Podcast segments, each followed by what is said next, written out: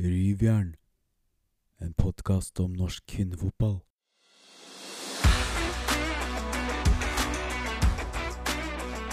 Hjertelig velkommen til denne ukens episode av Rivjern. Og det er litt eh, forandring her. Alexander er ikke med oss, men vi har fått en meget god erstatter. Jeg skulle kalle deg erstatter, Karl Erik Torp, men eh, det er hyggelig at du er der, i hvert fall. Ja, veldig hyggelig. Jeg føler meg som en gjest, da. Ja, du er k- kanskje gjest. Det var liksom et innsalg for kanskje å prøve å få meg fast. Ja, ja nei, Det er veldig hyggelig å bli eh, invitert, og veldig hyggelig å være her. Så får vi se hvor, hvor hyggelig det er etterpå, da. Men jeg regner med at dette går bra. Ja, vi skal prøve ikke å krangle altfor mye. Eh, litt sånn eh, info som jeg har funnet om deg. Tidligere fotballspiller for Kolbotn, Manglerudstad, Kongsvinger og Brann, stemmer det? Ja. Eh, Missa jeg noe? Nei, du, ja, jeg missa Nei, jeg, eh, ja, Oslo øst, Manglerudstad er der. Det var jo på en måte en klubb som, eh, hvor det var litt endringer i. Og så hadde jeg et år i, i Uruguay som utvekslingsstudent, så jeg har, jeg har Ja. noen kamper der òg, i, eh, i eh, Deportivo Colonia, som det het. eh, Ikke Deportivo La Coruña, men Deportivo Colonia. Som, eh, jeg vet ikke om den klubben fins lenger, men det var, eh, nei, det var et lite eventyr, det, da. Ja, Da har du litt utenlandsopphold også, da. Ja. Eh, landslagsspiller i futsal. Har Ja. Det har du også vært. Ja, jeg fikk noen kamper. Eh, Det var litt sånn komplisert, det da. Jeg, jeg, altså jeg, futsal er jo helt fantastisk, og det mener jeg er eh, en av de beste utviklingsarenaene for fotballspillere også. Så det er dessverre litt for mye. Og man har vært veldig redd for at, det skal, eh, altså, at man kan bli skadet av det. da. Men jeg fikk lov til å spille litt, spilte mye som ung, og så, og så spilte jeg litt for KFM. Der var jo KFM der. Ja. Jeg vet ikke om du sa det? Kanskje du glemte KFM? Det glemte jeg sikkert. Ja, KFM var jeg også som ungdomsspiller og tidlig A-lagsfase i tredjedivisjon Ja. for de. Før de ble en etablert toppklubb sånn som de har blitt nå. Men eh, nei, det er en, en klubb med veldig sterke futsaltradisjoner. Mm. Så der spilte, vi, spilte jeg mye futsal, og så gikk jeg videre til Kongsvinger og spilte litt eliteserie der. Og så gikk jeg til Brann, og da Men så fikk jeg faktisk lov, eh, helt i starten av Brann-karrieren, så fikk jeg lov til å, å være med landslaget, da. eh, Ja. På noen sånne preliminary qualifications-greier. Var i Irland og spilte mot Irland og et eller annet. Is Israel, tror jeg.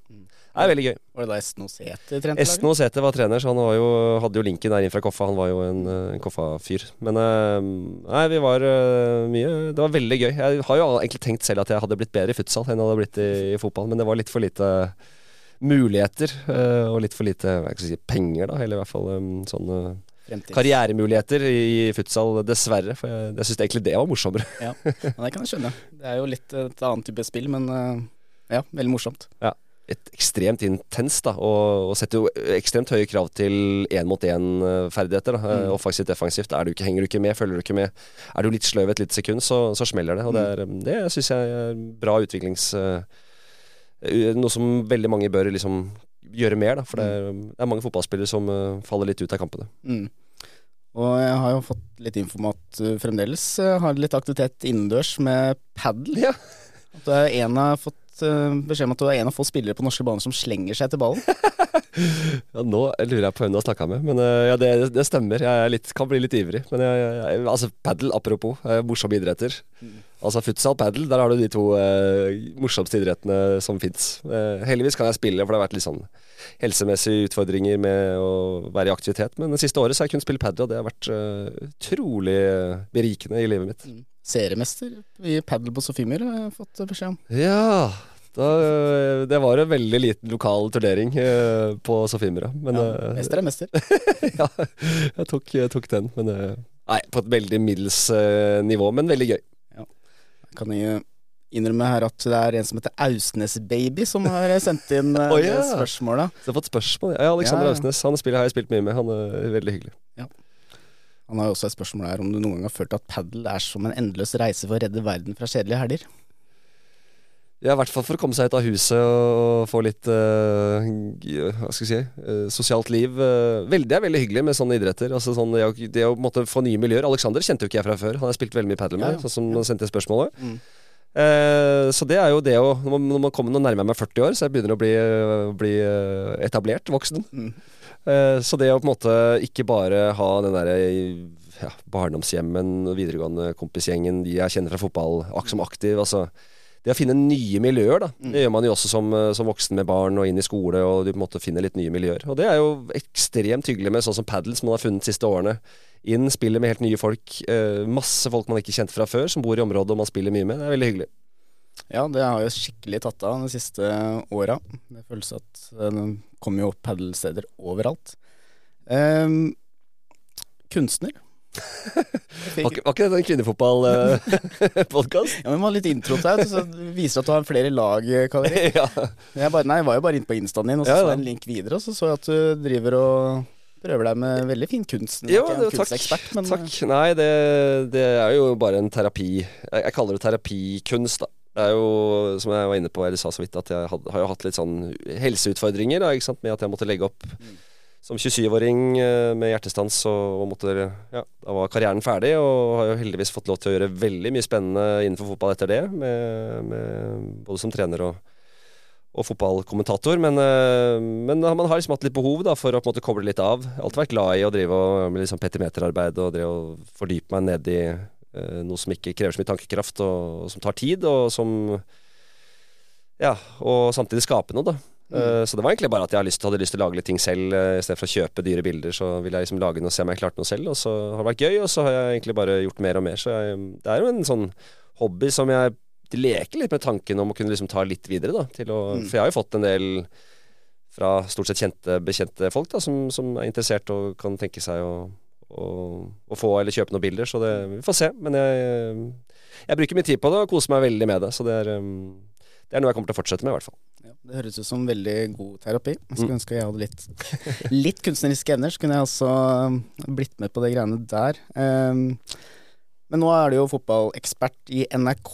Uh, hvordan er det liksom en vanlig uke ser for deg? Er det, det er kanskje ikke noen vanlige uker, det er kanskje litt fra uke til uke? Ja, det er, veldig, det er jo veldig uh, uforutsigbart, ja. Uh, heldigvis er dagtid relativt uh, fin, da. Med, med at ikke det er så mye som skjer sånn med sendinger og ting som Steder man må være. Det er jo en del møter og forberedelser til sendinger og, og en del nyhetsting, da. For det dukker jo opp når jeg jobber i NRK, så er det jo mye nyhetsting og, og behov for en kommentar til, til egentlig det aller meste som rører seg innenfor fotball. Så det Eh, men eh, man er veldig fleksibel, og så er det jo mye kveldsjobbing. eh, og det kommer egentlig helt an på da hvilket, hvilken fase man er i året. Ikke sant? Er det midt på sommeren hvor det skjer veldig mye fotball, eller fra mai spesielt, da, og til oktober-november, så det jo, går det jo ganske mye ett med jobbing hver helg. Jeg tror jeg, jeg regnet på det. Jeg hadde veldig fin januar-februar, men når eh, vi kom til eh, ja, ute i april,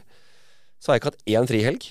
Uh, siden det. Jeg skal, uh, jeg skal ta meg én uke nå eh, litt ut i september. Dra en tur til eh, få en, Jeg får én uke til, eh, til Spania med noen kompiser.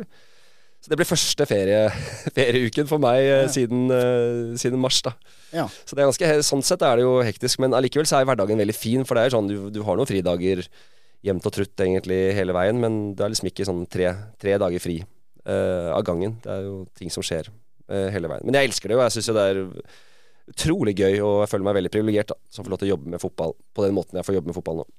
Ja, for da er det jo litt som å være fotballspiller, da, som eh, når det var det. At eh, helgene går og Ja, det er ikke så mye hel helgefri, da, rett og Nei, slett. det er eh, Heldigvis så fant jeg Jeg er gift, og hun eh, hun eh, fant meg, eller vi fant hverandre, mens jeg var aktiv. så hun eh, Ja, så hun Det var liksom ikke det er ikke, noe sånn at hun visste hva hun eh, gikk til, gikk inn til, så det Så det, det Ja. Hun skulle nok gjerne hatt eh, mer forutsigbar hverdag henne, men jeg, jeg tror det er greit òg, jeg.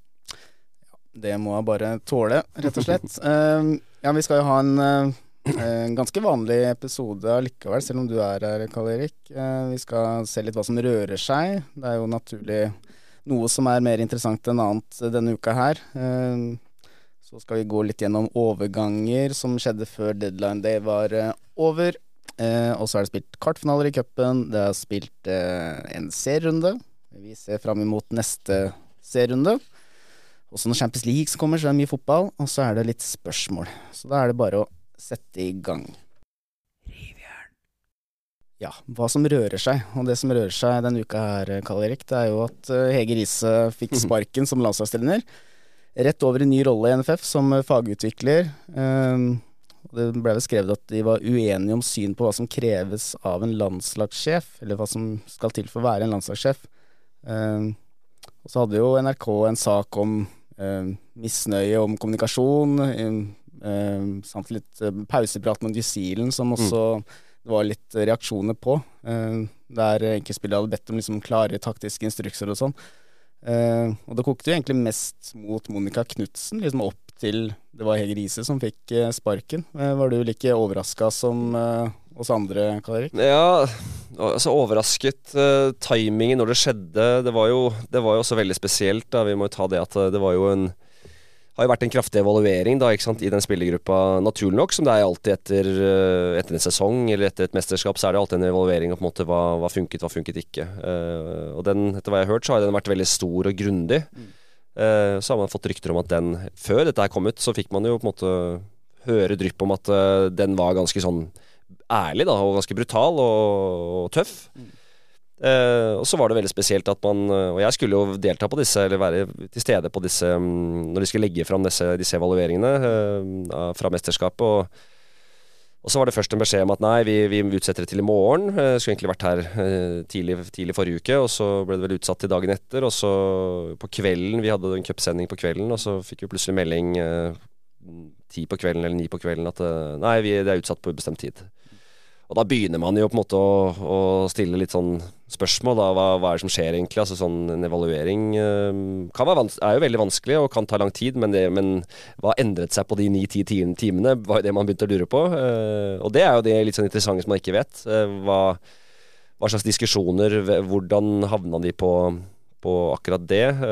om at Hegeris Riise fikk sparken. Og vi visste jo Jeg skal være litt forsiktig med å si at vi visste, men man har jo fått det er det som er så vanskelig, da. I, i, i, mm, og det er jo naivt, mener jeg, da, å tro at liksom alt som er inne i spillergruppe, blir en spillergruppe. Eh, det ser man på A-landslaget herrer. Eh, laguttaket kommer ut. eh, man får man, det, det, For det er for mange mennesker involvert, og så er det mange mennesker som er skuffa. Noen eh, Spesielt da rundt det VM i, for kvinner i, i sommer, så var det jo veldig mye forskjellige mekanismer internt som gjør at uh, man har forskjellige agendaer, da, dessverre. Men det handler jo på en måte om managementet, hvordan man leder laget og hvor fornøyde folk er. Men uh, jeg var veldig overrasket over at, at den beskjeden kom plutselig bare sånn brått på at oi, hun er ferdig. Mm. For jeg hadde forventet at det skulle ta litt lengre tid. At det skulle på en måte sånn Ja Skal vi så bare sett, utsette det litt lenger, og så Så hadde jeg nok trodd at uh, vi er enige Altså, jeg hadde mer trodd på at det skulle skje noe rundt teamet enn akkurat rundt Hege Riise, øh, skal jeg, skal jeg innrømme. Men er det kanskje her at NFF har lært litt av I hvert fall min personlige mening var jo at Martin Sjøgren fikk sitte litt for lenge i Mm. den jobben sin, og de ga han mer og mer tid til å liksom forbedre dette. At de nå har sett at nei, nå har vi ikke tid til å Vi har ikke tid til å Vi faller etter eh, etter hvert mesterskap. Vi har ikke tid Mm. til å måtte gi Hege ekstra tid nå. Vi ser at dette her ikke funker, og nå må vi finne en annen ledertype. Mm. Er det sånn du Ja, tror det kan ha vært? Ja, jeg tror det er en, øh, en, øh, en fornuftig uh, tanke rundt det. Og at, en, at man så vel at med det mesterskapet vi hadde nå, da, og som var veldig var et fantastisk VM, øh, men ikke for Norge. altså Det var et VM hvor det var masse overraskelser, fantastisk fotball, øh, enkeltprestasjoner, nye lag som kom opp. Eh, og i lys av det, da, så tror jeg man også tenkte at oi, eh, nå faller vi Eller nå er vi på en måte lenger bak i, i det landskapet enn det vi eh, burde være. Mm. Uh, og så liker jo ikke jeg at vi snakker veldig mye om at liksom, nå går toget ut av Europa, i verden, vi må henge med. Uh, det blir vanskelig, de, de kommer til å bli bedre enn oss uansett når vi bare Altså vi ser det at det er mulig. Vi ser det gang på gang. Jeg liker ikke å sammenligne herrefotball og kvinnefotball, men det er jo litt samme mekanismer i forhold til altså hvem som henger med, og små nasjoner, store nasjoner. Og vi ser at det er nasjoner som klarer å være med. Vi så det nå på kvinnesiden også, at det er nasjoner som, som overrasker. Og det skjønner jeg ikke hvorfor ikke vi kan klare. Uh, og så er det en del ting som ikke vi har på plass. Og da, da tror jeg de var egentlig bare enige om at nå må vi gjøre noe. Så tror jeg også at en annen, et annet poeng er at jeg tror de, som jeg sa så vidt, eller vi snakket om, er at teamet det, altså teamet er jo på en måte en av de tingene som så I hvert fall i etterkant er det vi kan kritisere litt. At det er- virker ikke som at det jobbet godt sammen. Mm. Eller de hadde en veldig sterk og nær link, men det funket ikke De, de manglet litt kvaliteter, da. Mm. Uh, litt egenskaper. Så, så at Hege Riise kunne fortsatt, men da tror jeg hun skulle hatt helt andre personer. Uh, I hvert fall noen. Det manglet noen personer rundt seg som kunne, kunne gjort det til å funke. Uh, men det er jo ikke bare bare å finne den personen som, vil, som er så faglig sterk, som er så tydelig, som har på en måte kan bare være med og la Hege være en ho- hovedtrener. Men dette har vi sett også, så har vi sett i kvinner også. Ikke sant? Den der dynamikken, hvordan det der funker. Hun er jo en vanvittig hyggelig, bra, et bra menneske. Faglig f flink, for hun har uh, god på detaljer. Hun har en stor erfaring som spiller. Uh, enorm erfaring som trener også. Vært, uh, vært, i USA, vært i England, vært rundt omkring og opplevd mye. Men, men mangler kanskje noen sånne lederegenskaper. Og det, det har vært vanskelig å ha en assistent som skulle overtatt de egenskapene. Mm. Så da tror jeg det egentlig bare falt ned på at nå trenger vi en forandring. Men jeg er jo veldig spent da, på hva de får tak i. Eh, hva de lander på. Det blir jo en Det kan jo bli verre eller ikke verre. Ja, for hva slags type er det det landslaget der trenger? Er det en, en spesiell type akkurat den spillerstallen trenger, eller er det generelt at det er en annen type man bare må leite etter?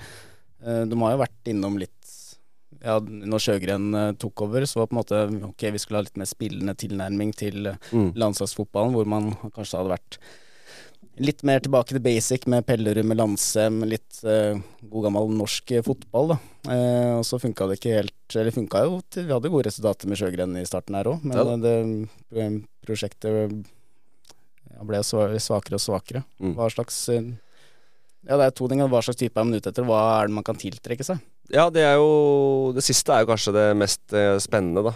Uh, og hva Hva fins? Uh, nå er det litt sånn um, Dessverre. altså Jeg har jobbet nå med kvinnefotball i begynner å bli en del år. altså sånn, Jeg er vel på mitt femte år og liksom har jo et ganske nært, fått et nært forhold til det, for man jobber så tett med det. Men jo, det er jo Landskapet er ganske smalt da, mm. i forhold til kompetanse. Og jeg er ikke sånn, jeg er ikke så veldig fan heller at liksom, nå er det en, en en herretrener, men iallfall en, en, en som har, har, bakgrunn fra toppjobb på herresiden, skal liksom over og bare ta over, og, og, som er veldig flink. Et, det er liksom ikke det er ikke så lett heller, for du må kjenne til ganske mekanismen i, i, kvinnefotballen som er litt annerledes på en del ting. Faglig så er det veldig mye likt, men det er også noen fors forskjeller som, som Kan ikke få inn en trener som trenger et halvt år, et år på å på en måte tilpasse seg og, og forstå på en måte det heller. Det, og da er det på en måte litt sånn begrensa, da. Hvor mange ordentlig gode, sterke trenere som, eh, som er der ute. Men jeg, jeg, det er ikke noe tvil om at de Man må jo ha en tydelig leder, uh, og det bomma man jo på, da. Selvfølgelig. Det, det er jo lett å si nå uh, på Hegerisi. Jeg var positiv til Hegerisi. Jeg, sa jo veldig ganske sånn tydelig at det er riktig, hun må få muligheten. For det, det handler på en måte om hva hun har gjort, hvilken person hun er, og, og hvor landslaget var. Um, hadde ikke Hegerise fått den muligheten når hun fikk den muligheten, så hadde man sittet her nå med en annen trener som har fått sparken, og så har sagt at nå må Hege Riise få muligheten. Mm. Så det Litt sånn direkte ærlig sagt, så, så, så, er det greit å få kvittert det ut, da. Mm. Uh, og sånn er det av og til, uh, selv om det høres litt rart ut. Så um, er Strauss en, en, som Ja da, hvis vi skal gå på, på trenere som, eh, som, som, bør være aktuelle, så er jo Alexander Strauss en åpenbar kandidat, tenker jeg. Uh, jeg kjenner han godt, har snakker mye med han. Kjenner, jeg trente sønnen hans faktisk i, i, ja. i Brann. Uh, uh, faktisk. han er vel 97-modell, så jeg hadde han som på et av mine lag jeg trente. Det, men allikevel så, så, um, så har han nå gjort såpass mye. Han har på en måte jobbet lenge med kvinnefotballen og han er i Bayern München.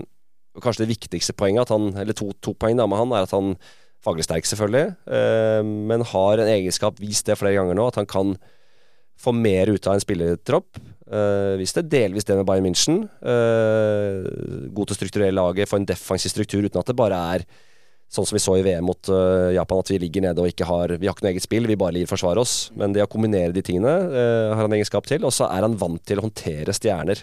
Og så er han godt likt. Det vet vi fra, fra de, de brannspillerne og for så vidt de han har nå i, i, i, Bayern München. Så han på en måte har Jeg tror han vil komme inn i en spillergruppe og på en måte de vil være positive, da. Det vet vi jo på en måte med noen spillere i landslagstroppen når Hege Riise kom inn, og Monica Knutsen kom inn, så var man Noen var skeptiske før det begynte. Og det er jo en utfordring når man når man skal begynne på nytt. Så han er åpenbar. Og så, og så har jeg også nevnt, mener jeg også at, at Nils Leksrød selvfølgelig er, er kanskje det er de to jeg vil sette høyest, som er uh, Ja, til, ikke tilgjengelig, for det er det ikke. Begge er i jobb, men uh, i hvert fall uh, overkommelig, da. Som realistiske. Mm. Han tror jeg også var i prosessen jeg, ved forrige ansettelse. Ja. men er det litt dårlig timing for Strauss? Er det litt for tidlig for han til å til liksom gå rett til landslag nå? Han har jo Vært i, har ikke vært lenge? Han Nei, et år. Ja. Så han har liksom sin første sesong i Bayern München, og så er han nå i eh, Og jeg, etter hva jeg hører fra han, vi hadde han i studio nå i VM, eh, han trives jo veldig godt der. Eh, men jeg, jeg tror, skal jeg liksom bare uten at han har sagt det til meg, eller jeg har hørt det, så liksom Jeg tror han, han har en drøm eller en sånn Han har lyst til å trene landslaget. Mm. Eh, men om det passer nå, eller om det må bli om to år eller tre år. Eh, og da vet man jo ikke om, eh, om Han kan ha gjort det kjempedårlig, fått sparken i Bayern München, og så Ja. er han plutselig ikke aktuell. Så det, så det også er jo på en måte noe Jeg håper i hvert fall de tar en prat med han. eh, og, og legger fram på en måte det prosjektet som nå skal settes i gang. Så må jeg også bare si at liksom, vi snakker jo mye, har snakket mye etter at Hege Risvik sparken om at hvem skal ta over landslaget. Men jeg er jo mye, egentlig mye mer opptatt av på en måte eh, hvor er norsk kvinnefotball skal hen. Mm. Uh, de store linjene fra forbudene. på en måte altså Mye mer sånn overordnet. da Eh, Vi kan hente inn en kjempegod trener. Vi kan hente inn Nils Leksrød, vi kan hente inn Strauss, vi kan hente inn Tony Gustavsson, som også er et navn som hadde vært, kunne vært bra. Gjort det veldig bra med Australia nå i VM. ikke sant Og trent meg i Kongsvinger, eh, faktisk, en liten periode. Han, så han har vært i Norge, han har vært i Sverige. Så han vil han hjem, vil han nærmere hjem. Jeg tror han trives i Australia. Men i hvert fall at det er mye mer hva er det vi skal være? Hva skal kjennetegne oss? Eh, vi har jo vært litt misunnelige på Sverige nå i under VM, som eh, Ja, de tok vel bronsen, de. ikke sant? Altså sånn uh, utrolig nok overpresterer igjen. Mm. Uh, I hvert fall synlatende, i hvert fall uh, ut ifra hva vi ser på papiret de har, så er det bra spillere, men liksom, er, de, så- er de så bra, liksom? Mm. Men de er jo tydelige, da. De har en tydelig Kall det en tydelig formasjon, for så vidt. Selv om de kan variere litt med tre bak og fire bak, så mm, Eller fem bak, eh, fire bak, så har de på en måte en klar sånn De har veldig sånne klare retningslinjer og, og mm, Så det, det er det jeg savner hos oss, da. Som du, som du var inne på i stad. Så vi har jo hatt Martin Sjøgren hvor det var ekstremt naivt. Mm. Vi skulle forsvare oss én mot én mot England uh, i Brighton der, ikke sant. Og vi, så, altså, ikke sant? Da, da, da blir vi på en måte avslørt, da, for vi er ikke, vi er ikke gode nok én mot én, eller individuelt. Uh, vi må ha hjelp av hverandre, vi må ha hjelp av kollektivet. Og så var det plutselig Egger Isen som, hvor det bare skulle være kollektivet. Som, og man klarte ikke egentlig å få på plass det heller, for det var Man lå med mange spillere. altså Mot Sveits der husker jeg en kamp hvor i starten av kampen, selv om det, vi fikk jo med et poeng, så var jeg bekymra starten av kampen, hvor de klarte å spille seg gjennom tidlig kampen hvor vi lå med 5-4. Altså 1-5-4 på en måte, defensivt. Så det flak, flakka, veldig, flakka veldig i formasjon da, og i identitet. Ja, for da tenker du fra toppen av og ned, på en måte, i forhold til eh, hva skal kjennetegne det norske A-landslaget, eller men tenker du liksom lenger ned på også yngre landslag, på liksom spilleutvikling? Er vel liksom, det er jo det er et Ja. kjempestort bilde, da. Ja, det er vanskelig å snakke om. liksom få skal vi, Hvordan skal vi få fram flere rollespillere? Det er ikke noe tvil om at vi har veldig gode offensive spillere, men vi sliter jo veldig Mm. defensivt. Vi, lenge siden vi på en måte ja, det, er ikke noen, det har ikke vært mange bankers i det forsvaret de siste åra. Liksom, hvor er det man skal starte, da? Det har jo vært mye oppe i media siste månedene om uh, den forskjellen mellom uh, gutter og jenter i forhold til Mm. spillerutviklere, i forhold til hvordan de satses på, da. Uh, det starter kanskje allerede der, da, på et vis. Ja. Men det er et litt lengre, eller større lerret å bleke, sånn sett. Ja. Nei, jeg, jeg, jeg har, jobbet, har ikke jobbet så mye med seniorfotball sånn som trener selv. Jeg har jobbet veldig mye med utvikling, og jeg mener jo at der bør du Der kan du være Martin Sjøgren og stå én mot én og, og være mer naiv og, og gi de ferdighetene. Selvfølgelig skal man ha en struktur og lære dem soneforsvar og, og de tingene som måtte, i hvert fall historisk har ligget viktig i norsk fotball. Men, men på A-landslaget så mener jeg at man må, man må finne ut av hva er det som ja, altså, Jeg er ikke noen sånn fasit på hva slags fotball vi skal spille, men vi må i hvert fall finne ut hva er det vi Og da mener jeg man må bruke VM, da. Uh, for å se hvilke altså, En ting er trender, men kvinnefotballen utvikler seg enormt. Uh, og det skjer veldig mye, det skjer veldig fort. Og jeg har en Jeg har ikke Dette Jeg kan eh, jeg syns det er en veldig bra take, som jeg, ikke, som jeg kommer til å på en måte, jeg skal skrive, skrive litt mer om senere. Men kvinnefotballen er interessant fordi at den er litt, an, litt annerledes skrudd sammen enn herrefotballen. Det er lett å sammenligne. Alle ser herrefotball, har gjort det, opp, oppvokst med det stort sett. Eh, men banen er i snitt ut ifra forutsetninger og, og fysikk, så er den 15 ca. 15 meter større eller noe sånt noe. Mm. Bredere, lengre. Og tenk deg da hvis herrefotball Hvis, øh, hvis øh, den hadde vært øh, Tenk om Haaland hadde hatt 15 meter mer å løpe i bakrom på. Mm. Da hadde hans fysikk kommet enda Altså Den er kommet mye til sin rette nå, men han hadde kommet enda mer til sin rett. Og den syns jeg man så veldig tydelig nå i, øhm, i, øh, i VM. Du så nasjoner som har bra fysiske forutsetninger. Nigeria, øh, Jamaica. Altså sprintnasjonen Jamaica. Altså de øh, løp i stykker flere nasjoner som er mye bedre fotballmessig. Nigeria hadde fortjent å slå England. Uh, Innen én mot én så ble de overkjørt. Altså Det var helt merkelig å se engelske spillere som sleit mot nigerianske spillere som spiller hjemlig Altså Nigeriansk kvinnefotball, serie hjemlig der, altså den, har jeg, den har jeg ikke sett mye av, men den, eh, jeg kan ikke se for meg at det er uh, veldig avansert. Så, så det er i hvert fall en sånn klar trend som jeg, vi bør inn, finne oss i. da På en måte, ok, Fysikk Mm. Kommer til å bli enda viktigere, mener jeg, da eh, og er enda viktigere i kvinnefotballen enn det den er i herrefotballen. Vi skal på en måte igjen eh, dra bare Mer rom å dekke. det er mer rom å dekke. Det er, det er, målet er høyere. Du, du, må, du må på en måte når du, klarer du ikke å, Er du keeper, og klarer du ikke å liksom Er du ikke ekstremt god i spenst, er du ikke høy keeper, så vet vi, ser vi det på mange, mange mål som skårer i toppserien, at da, da når man ikke opp. Og det er ikke noen kritikk, for det er bare Det er den fysiske forutsetningen. Og det er klart, da tenker jeg at ok, klarer vi å på en måte som du var inne på, som også er et kjempeviktig poeng. Vi må prioritere mer jentefotball, utvikling, få kompetanse, akademier. Gi den påvirkningen. Men det må også begynnes å rekrutteres kanskje litt annerledes, da. Mm. Uh, inn, i, inn i utviklingsklubber for å på en måte se ok, her er det en spiller som ferdighetsmessig er langt bak, men fy søren, hun er den raskeste spillerne vi har hatt, liksom. Mm. Kjør. Det, er, eh, det tror jeg er en av nøklene videre. Jeg sa det til, eh, sa det til Alexander Strauss. Hvis jeg hadde vært han som rekrutterer spillere til Bayern München Fy søren for et marked nå i Nigeria og i disse klubbene her, i disse, disse nasjonene. For å få inn spillere, få de skolert litt inn, få de på en måte bare satt i enkle, med litt enkle rammer. Rått parti, altså. Ja, vi ser jo det vi så det litt i LSK også, at uh, spillere med ekstremferdigheter fysisk De Mm. tok jo steget kanskje litt for fort. Fordi det var eh, Ja, det var noe nytt, da, og det var eh, De fikk eh, øyeblikkelig tre-fire meter på Mm. toppseriespillere. Og så var det kanskje ikke så mye annet de hadde i tillegg til Nei. fysikken, men de kom seg opp toppserien av det. Da. Hvis man greier å få de litt mer skolert, Mm. som du sier, da har man jo et fortrinn. Og særlig sånn hvis man går spesifikt inn på liksom det som skjedde i sommer også, liksom den savnet etter Ja, derav navnet, eller rivjern, da. Mm. rivjern eh, sentralt der, som liksom dekker de romma. Det hadde vi jo ikke i Sørsteingen eh, i eh, sommer i så stor eh, stor nok grad, da.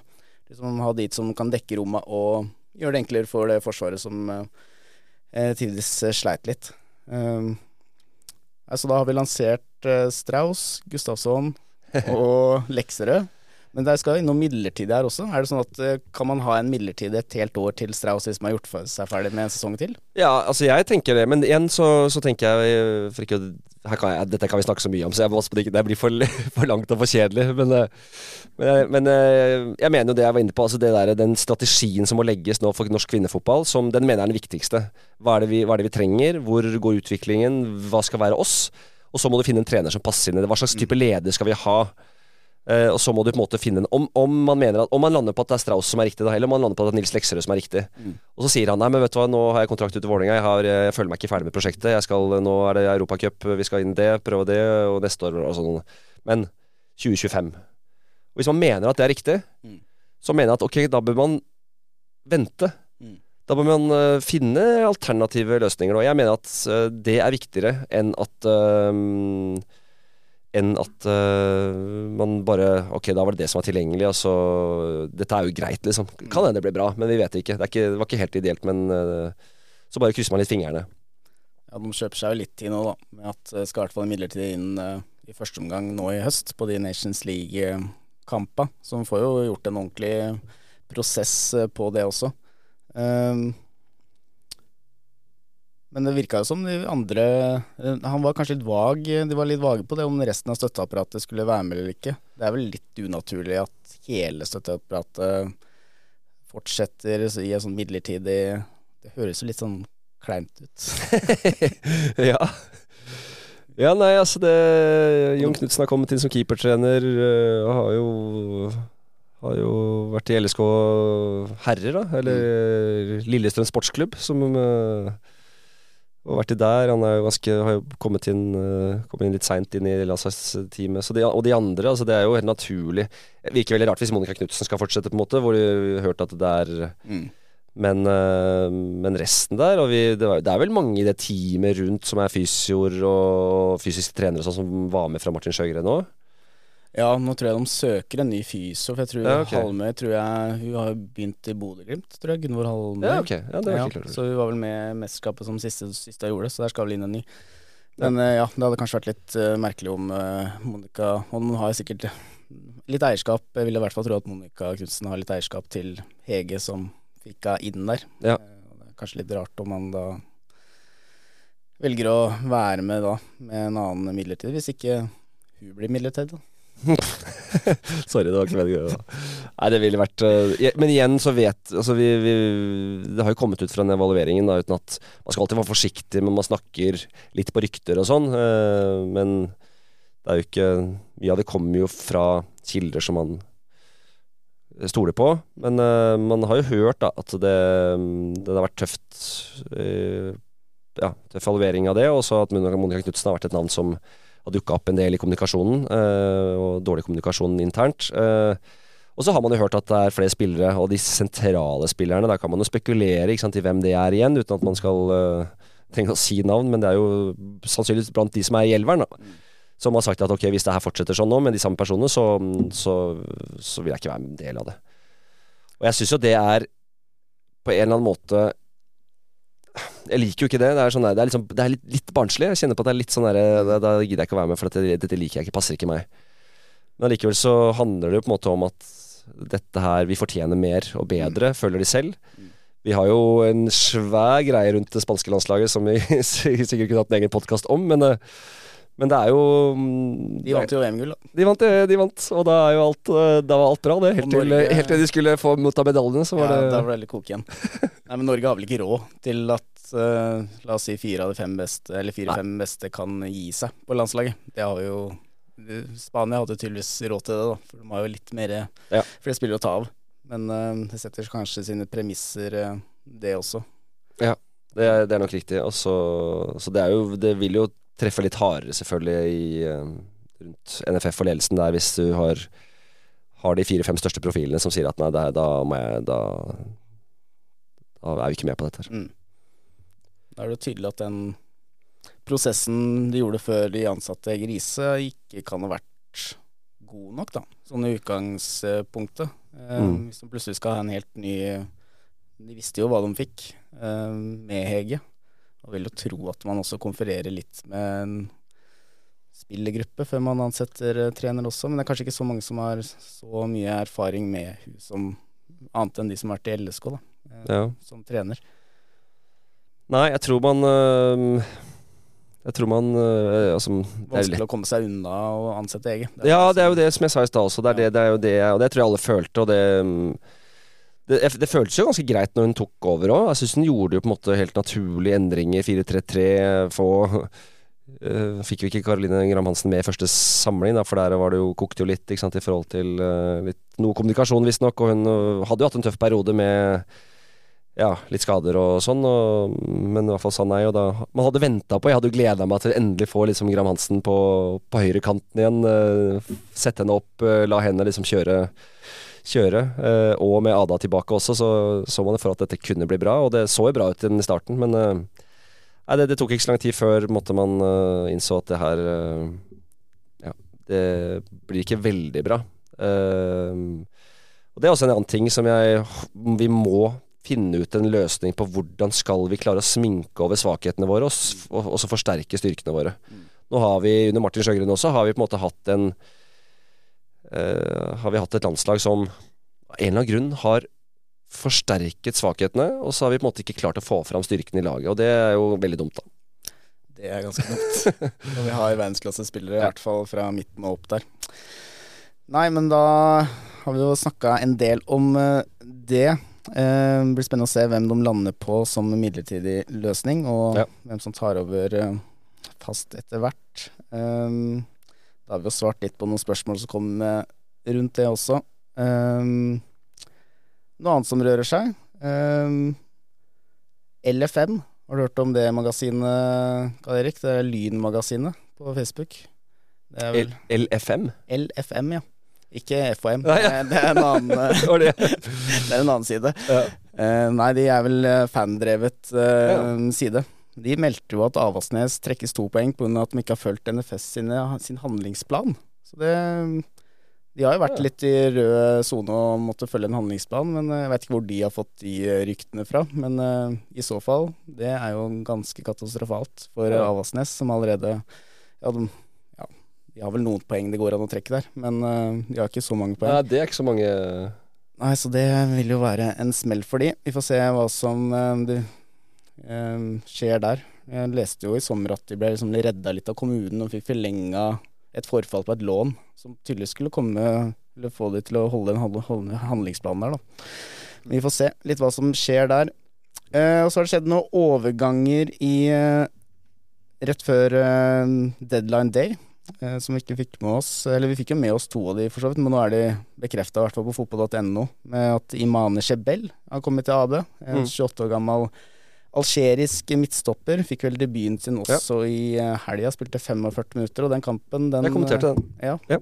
Hvordan uh, virka Hva slags spiller er det de har fått inn der? Ja, vi kan si hun skåret et uh, selvmål, vel ikke, men hun uh, var bort på ballen i det som Husker ikke hvem som skjøt. Eh, jeg tror det var 4-0 etter Rosenborg, og da um, var det via Via henne. Men eh, nei, det er en midtstopper som jeg syns hun så så lovende ut, hun altså. Ja. Jeg syns det um, For Ja. Mjelde sa jo at hun skulle bidra med målpoeng, men det var feil, Feil. vei, da, sånn i starten. Så det var litt dumt.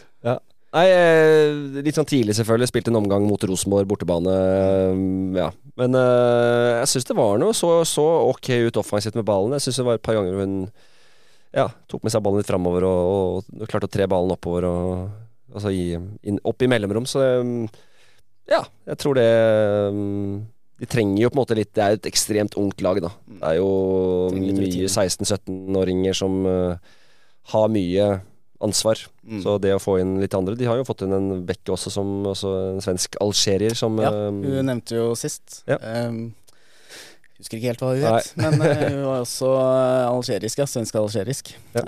Um, og så har de jo fått inn Ina Gausdal, Ja. Som eh, jeg tror vi faktisk var først ute i Rivjern og meldte det forrige. Vi ble i hvert fall sitert av TV 2-sporten. Det var jo Kult. ganske Mjelde la ut det for oss Ja, det at det var bekrefta nå, så det var fint. Eh, hun er vel ikke helt spilleklar enda, men det er jo en eh, veldig stor forsterkning og en profil i toppseriesammenheng, eh, hvis de får hun uansett, da. Men de må jo få henne på beina for å kunne bidra litt også. Ja, jeg har ikke Altså, vi husker jo henne veldig godt fra LSK Kvinner. eh, men hun har vel vært i Løven, Luven, Leven, Luven, Løvene. Løven. Jeg var der eh, og kommenterte Norge mot Belgia i var første kampen til Hege Riise, det var jo Løven. ja. eh, som sendte oss til VM. Eh, så veldig fin by. Så jeg husker at det, Da jeg hørte at hun skulle dit, så tenkte jeg at oi, det var jo godt valg for veldig koselig sted. Men jeg aner jo ikke hvor mye hun har spilt, skademessig situasjon, har ikke fått uh, sjekka opp det. Så Ja. hvilken, hvilken tilstand hun er i, det er jo Da er jeg litt spent på det. Hun har spilt svært lite. Ja, Uh, har, jo, har slitt litt med skader de siste åra. ja hun gjorde det de siste årene i LSK der òg. Men hun har jo tydeligvis bestått en medisinsk sjekk, da. Så um, får vi håpe at den liksom var god nok. Men uh, ja, uansett uh, så kan han sikkert bidra inn i den gruppa på et eller annet vis uh, uansett. Men de Mm. må jo få på beina. Eh, og det kan jo være liksom det som vipper at AB kan få den kvalikplassen over f.eks. Avaldsnes, som ikke har uh, forsterka seg nevneverdig i sommer. De var vel ikke forsterka seg i det Nei, de, de har ikke fått inn noen. Uh, Silje Nilsen forsvant jo, men det Ja. um, De har vel, det er vel et par unge jenter som de har signert, som kan til ungdomslaget. Um, nei, så det blir spennende å følge om de får um, hu på beina. Det er jo også en trussel på offensiv eh, dødball, Mm. hvis de får uh, i gang hu. Uh, annet ting som har skjedd i AB, og det nevnte jo også Erik Mjelde i forrige episode, at Ida Nordstrøm har fått kontrakten terminert. Uh, jeg nevnte jo forrige gang at hun har trent med Vålerenga i sommer, men hun er, uh, ifølge mine kilder, at hun er klar for Stabæk. Ja. Eh, Sikkert ute når den episoden her kommer ut. Eh, Nå skal jeg inn der og konkurrere med eh, Sunniva Skoglund. Så det blir jo eh, en forsterka keeperposisjon, en kontrakt ut året eh, der for eh, Ida Nordstrøm. Eh, og så har Tanja Myrseth har gått til Lyn fra AB. Mm.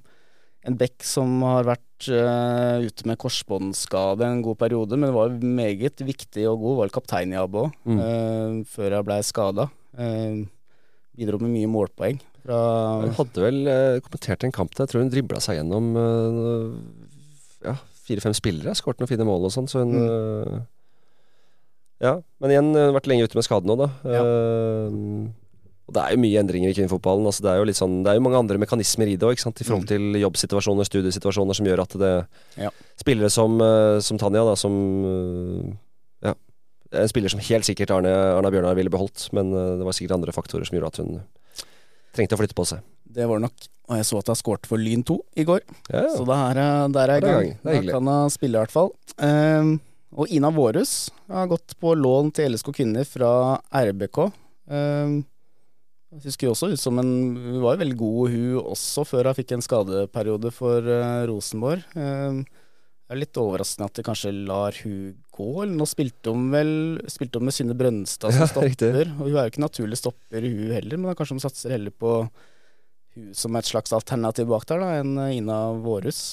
Ja. Nei, jeg var jo, hadde, vi hadde den kampen cup, ja, den seriekampen nå. Det var jo toppseriekampen nå i helgen. Jeg var jo der oppe og snakka jo med, mm, med de om det og spurte litt. For at det var liksom Ok, hvor, hvor mange kamper har Brunstad spilt som stopper? Eh, og da sa det, var det jo at nei, hun har spilt to treningskamper, og så er dette første seriekampen, eller obligatoriske kampen, så men, men, men, men det er jo noe de tenker, og hun har jo en fysikk, veldig bra venstrefot. Eh, Tar til og med dødballene når hun spiller for eh, Mm. I hvert fall Jeg kommer litt an på hvilke spillere som er på banen, men hun tok det nå, i hvert fall. Ehm, rolig med ballen teknisk, men mangler kanskje litt det siste liksom sånn sluttproduktet offensivt. da Og det spørs om hun, som hun er ung, så mm, spørs om hun har den derre tempoet i seg og temposkiftene. Men uh, at hun kan bli en god stopper, det, det var i hvert fall noe de tror jeg tenker veldig sånn realistisk på. Og så tror jeg ikke de har At Ina Vårhus har gått på lån, så tror jeg ikke det betyr at uh, At hun er ferdig i Rosenborg. Jeg tror det mm, Det er jo ikke utenkelig med Harviken og Hørte at liksom det er spillere som er unge og attraktive landslagsspillere. At det kan jo forsvinne ut etter hvert, og da er det fint å ha de spillerne i bakhånd som kan da steppe inn igjen. Men uh, jeg var også veldig overrasket over at du tar den til en så direkte konkurrent. Mm. Eh, f- ja. Ja, for stoppeparet til LSK har jo fungert eh, no- overraskende bra, egentlig, i år. Med mye Auten og Jeg starta vel med mye Auten og Camilla Husby i starten, og så kom vel Hjelmaug litt inn det når Husby var skada. Men det har jo fungert overraskende bra, den konstellasjonen eh, der. Eh, da blir det ekstra konkurranse inn i det inn i det stoppeparet der. Ja, det Eh, trenger de jo, for det har jo vært tynn, tynn benk, selv om det så bedre ut nå for LSK. Lenge siden har sett så bra ut, da, sånn eh, i forhold til bredden. Ja, det er jo viktig for de Noe som ja, tyder jo på at de går etter den andreplassen. At de vil prøve å jakte, jakte den. Ja, og det er veldig hyggelig, for at jeg må innrømme å si at for et års tid siden liksom jeg var sånn jeg LSK kunne følte så litt sånn ferdig, Mm. på en eller annen måte, med alt det rotet, med utfordringer på trenersiden med Knut Slatleim som som ikke klarte å Og så var det veldig mye annet rot da, ikke sant, i forhold til eh, klubbdrift, eller klubbmekanismene, eller Lillestrøm sportsklubb og alt det der som, som selvfølgelig du kjenner godt til. Men jeg bare Jeg, jeg sa det vel og bare nå, nå er den klubben ferdig. Så, men så har de klart det. Er utrolig imponert over Bergdølmo som har kommet inn, og, og de signeringene som de forstått gjorde litt i fjor òg, som uh, nå har endelig kommet, kommet til sin rett. da Mm. Så er, ja, den soleklart mest imponerende på en måte perioden, eller det, det, det laget som har imponert meg mest det siste halvåret. Ja, det har vært eh, morsomt å se at de har fått litt eh, dreis på det. Eh, når vi er inne på LSK, så har det jo vært litt rykter om Sofie Roman Haug eh, til eh, Women's Super League. Ja. Eh, og nå så jeg, hun var ikke Nå spilte Roma en treningskamp på Chelsea i går, og da så jeg ikke Sofie Roman Haug i troppen. Eh, usikker på om hun er skada eller hva som skjer, men eh, det kan jo også Mm. Men det er vel kanskje overgangsvinduet er vel stengt der òg, eller hvordan funker dette? Nå setter jeg Ja, nå setter du meg litt i offside, for det er så mye, vært så mye på de greiene her. Nå var det jo deadline day Nei, den er vel, den er vel over, den, for den er jo samme Ja, det bør egentlig være det. Ja da, jeg tror den gikk nå eh, rett før helgen, vel. Fredag-lørdag der. Ja, så da kan jeg at jeg sliter med et eller annet, da. Mm. Um, Men det kan vi jo følge litt eh, med på. Men hun spilte altså hun, har vel, hun var mye skada i fjor, altså, eller forrige sesong. Mm. Eh, rakk jo akkurat VM og gjorde det veldig bra i VM. Har jo ekstremferdigheter. Eh, men var jo, før hun ble skada også, var jo ikke fast i Roma. ikke sant? Så, men jeg vil jo tro at nå, etter det hun har liksom levert nå, så vil hun ha en sterkere posisjon i Roma. Så det at hvis hun får en sesong nå i Roma, får spille, eh, skåret en del mål, eh, ta nye steg, og så komme seg til De har liksom rushet nå til en topp fire-fem-klubb i England. eh, ja, det, det håper jeg egentlig ikke, sånn for min tanke. Nei, da bør jeg i hvert fall få spille, da. Det er jo litt av problemet i Roma at de har uh, Giacinti, italiener, som har, har vært toppskårer i mange år i Serie A. Eh, så de har en ganske solid konkurrent da, på topp der, i hvert fall hvis de spiller med én spiss. Så Ja. Nei, det blir, vi får se hvordan det utarter seg. Men eh, sånn utgangspunktet, Roma ser ut som et sted å være nå. Men gjorde det jo bra i Champions League i fjor, og vant eh, serien også. Så Tenk å bo i Roma, da. Ja. Ikke minst byen Nei, ja, Roma. Hvis man skal bytte TV med noe no offense mot uh, Liverpool, er fin, eh, fin by det, altså. Men Roma er nok et lite hakk over. Eh, hvem føler du er sommerens overgangssinner slash overgangstaper, eh, Karl Erik? Ja, vi hadde, hadde en sånn kjapp uh, evaluering av det på på cupsendinga, da, eller Nei, nå går det så mye. Det har vært så mye. Men, vi, men jeg var vel igjennom det kjapp og trilla litt terninger. Um, jeg ga vel Vålerenga en femmer. Ja.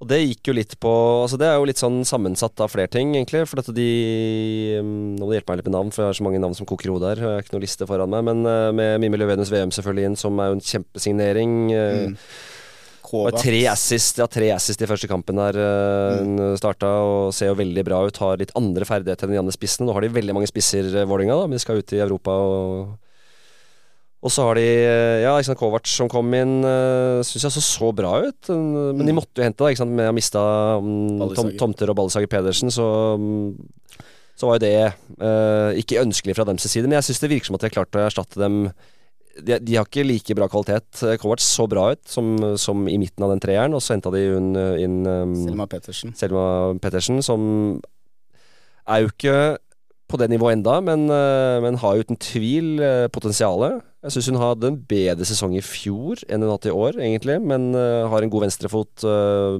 bra fart. Fylt 19, hvor gammel er hun nå? 20? Det var en 04 eller 03-årgang, Ja. tror jeg. Ja. Så, så klart at hun er jo tidlig i liksom Og veldig godt steg for henne å gå til Vålerenga. Det mener jeg var veldig glad for det, for jeg er liksom alltid litt sånn engstelig for at disse spillerne som er i de mindre klubbene i Stabæk, Lyn, at de tar steget ut i Jeg blir litt småirritert når vi sender spillere til Sverige, liksom. Mm. Uh, da får de heller komme opp i en av de to-tre toppklubbene i Norge, og så får de ta steget videre der. For det, det, er, det mener jeg er viktig. Og så ikke minst, da, forhold til Vålerenga, så mm, har de resignert spillere. Mm. For det er også en viktig del av dette overgangsvinduet. Og det uh, snakket jeg med Steinar Pedersen om, og han sa at en av grunnene til at de kunne resignere Janni Thomsen, uh, Olaug Tveten ja, i hvert fall de to, uh, er fordi at Ballesager Pedersen ble solgt for en ganske ok sum. Mm. Som har gjort at de frigjør litt, frigjør, litt penger. Mm. Uh, og det å få dem eh, litt lenger, da, uh, det tenker jeg er kjempeviktig. Så Derfor satte jeg dem ganske høyt. Og så Brann skulle nok trengt flere spillere, for de har jo fortsatt masse spillere skada. at de hentet inn, eh, inn Justin Kielland.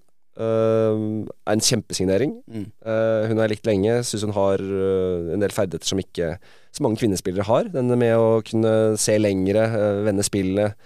En fot som er veldig viktig. Det så man også i den Ja, de to egentlig sett i de første, første kampene. Selv, om, selv mot LSK kvinner, når de tapte i cupen, så syns jeg det så ut som at hun, hun ga dem en ny dimensjon. Så mangler de fortsatt veldig mye. Eh, Henta inn Renmark. ja, hun også syns jeg så Hun er veldig ung, da, så det er på en måte litt sånn Igjen ikke sluttprodukt, men hun har fart, og hun Ja. virka veldig sånn Spennende. energisk og spennende, da, så tidlig. Men uh, det er ikke en spiller som sender dem til Europa nå, men uh, kanskje om et par år. Tomine Svenheim har kommet inn for å gi uh, Ja. litt backup for Marit Brattberg Lund, som ja, hvis hun fortsetter å prestere sånn, kan jo forsvinne også. Um, ja, da har du de to eh, klubbene oppe der, og Rosenborg har også liksom klart å beholde Det er også litt resignering som har vært viktig eh, der, med, med, med flere spillere. Brønstad blant annet ble jo resignert. Mm.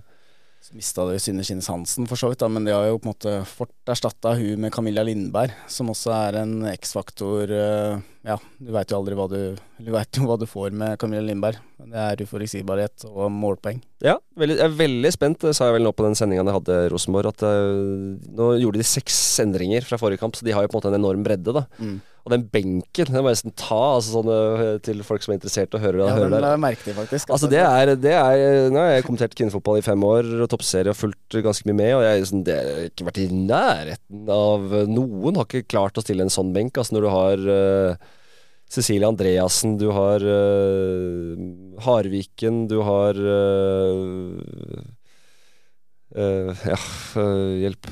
Du har. Ja, du har Hæ? Kom Lindberg inn, eller Nei, Ja, Lindberg startet. Ja.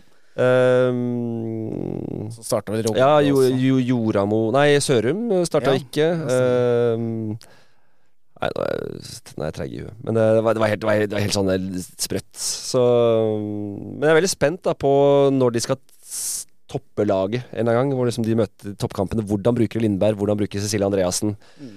Uh, Kant... eh, Rogda ja, Jø- Jøsendal var skada. Hun spilte Ja. jo ikke, så hun satt på benken, men hun var ikke tilgjengelig. Mm. Alsaki Rogde har jo på en måte Ja, hun også signer, resignerte, vel. Som Mm. er jo en spiller som har vært lenge skada, men har et potensial som de har troa på. da Så hun kommer til å få mye tillit framover. Skal ta litt over for sine sansen. Mm. Men er jo ikke der enda hun heller. Så det er jo en svar, De har jo mistet litt der, da. Så det er jo Hun hadde vel fem skåringer og fem assist eller noe sånt nå, Hansen. Så det, det er jo et tap for dem. Mm. Hvis du tenker i andre enden av skalaen, nevnte dere noe om det, eller? Eh, det er ikke klubber som på en måte er vesentlig svekka før denne høstsesongen her. Ja, før høstsesongen.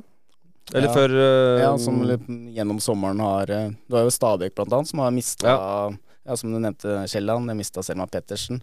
Ja, og hun uh, høyrebekken, hun uh, sveitsiske landslagsspilleren. Ja, som, Smilla, Smilla, Valotto, Valotto. Det lå vel litt i kortet at det kom til å Ja, der var det litt intriger med Eller ikke intriger, men litt uh, Men det også er synd. Det gikk vel til Sverige. Og Mamma mia. Mm. Mm.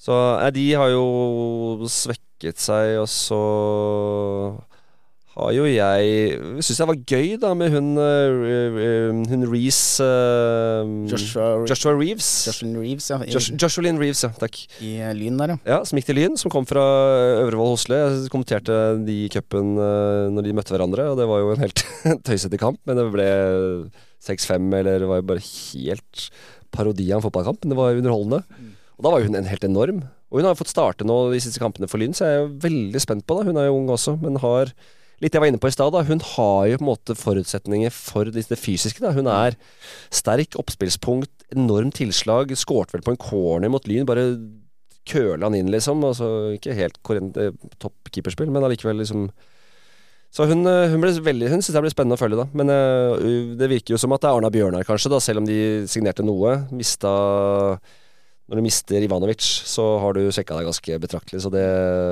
Hun har jo holdt de på en måte i live. Mm.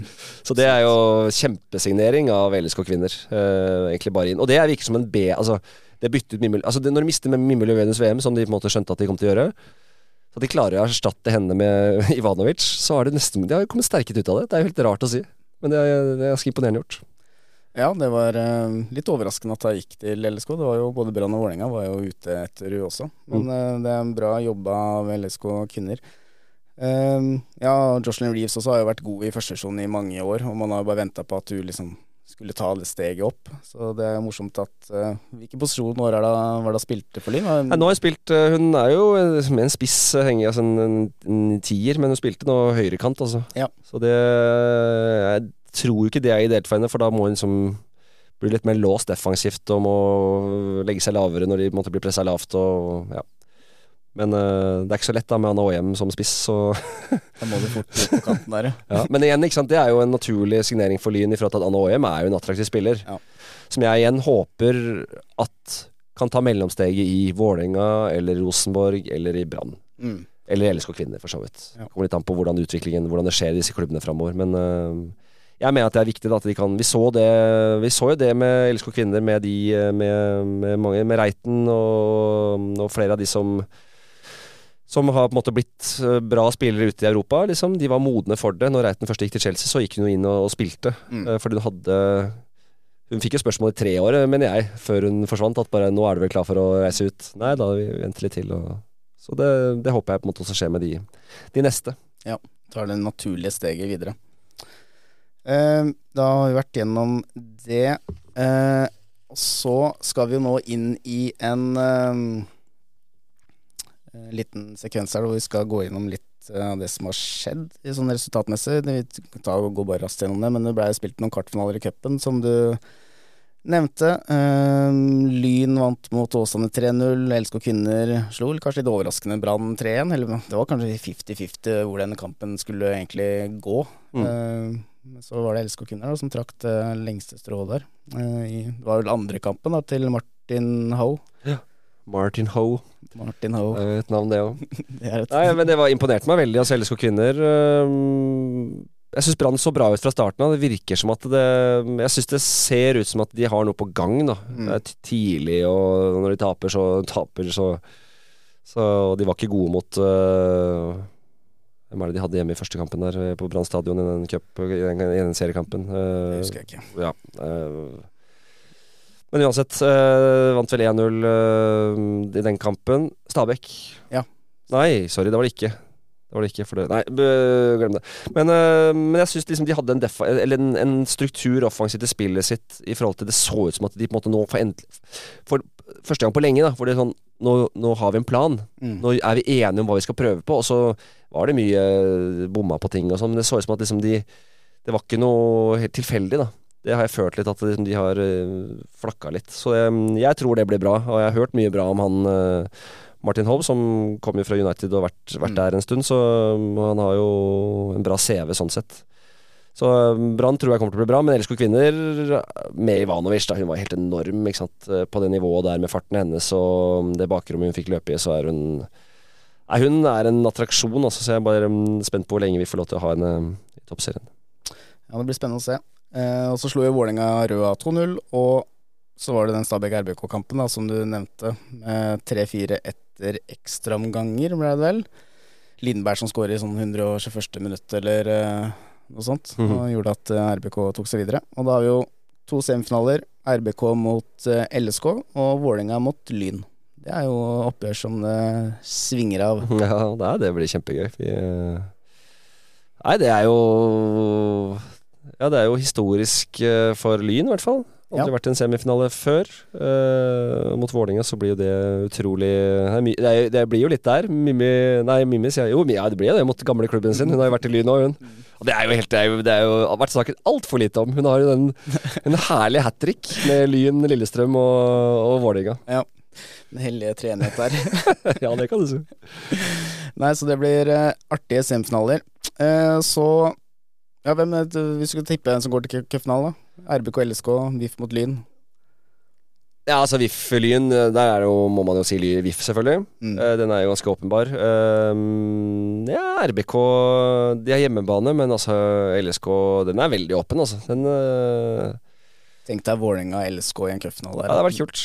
Det hadde smelt bra. Da håper vi jo at både klanen og Kanari-fansen hadde mobilisert litt. Ja da, det, vi, vi har jo savnet det litt, og det er jo ja.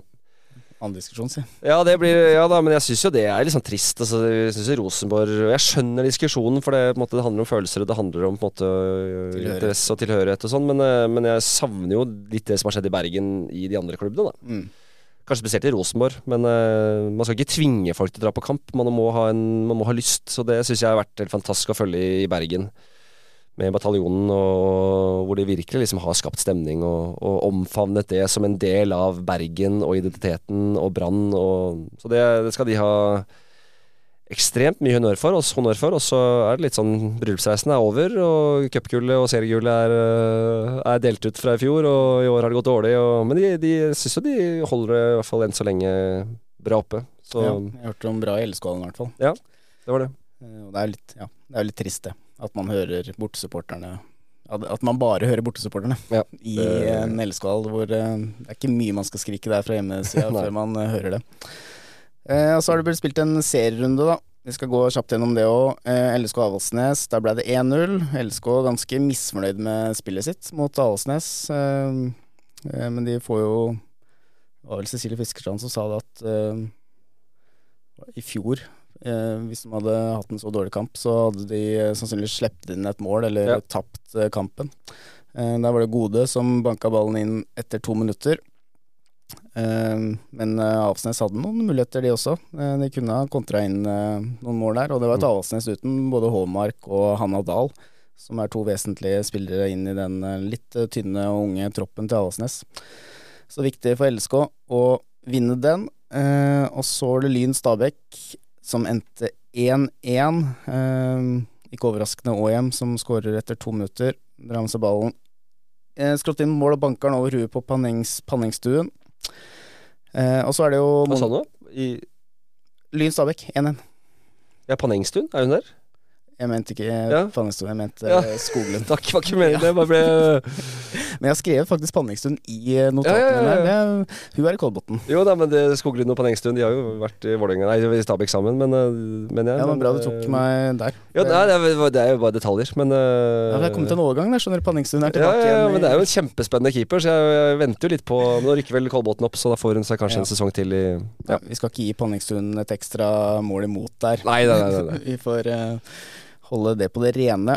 Eh, og så var det jo Monica Isaksen da, som skårte for Stabæk mot Ja. sin eh, gamle klubb. Eh, visste vel ikke helt om hun skulle ja, Jubla jo litt instinktivt der, men eh, sikkert spesielt for hun som har vært eh, ganske mange år i eh, Lyn. Det er jo et skudd fra Abrahamsen som blir redda av Kiwi Lodden, og så faller han ned til Isaksen. Så det ender jo 1-1. Jeg fikk ikke sett den kampen, men det virka som det var liksom litt åpne sluser litt begge veier. Litt Hawaii Mm. fra side til side.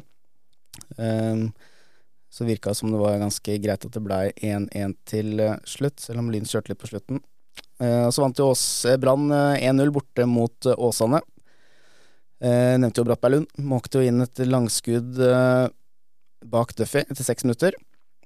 Eh, Redmark hadde jo en kjempebom etter eh, 55 minutter på åpen kasse for Brann, så de kunne jo skåret et der. Eh, og så var det Michaelsen da, som var i buret for Brann, selv om eh, det har vært litt ute i media nå at eh, det er ingen som har klippekort på det laget der. Det var vel benka i den første kampen til Martin Hoe. Ja.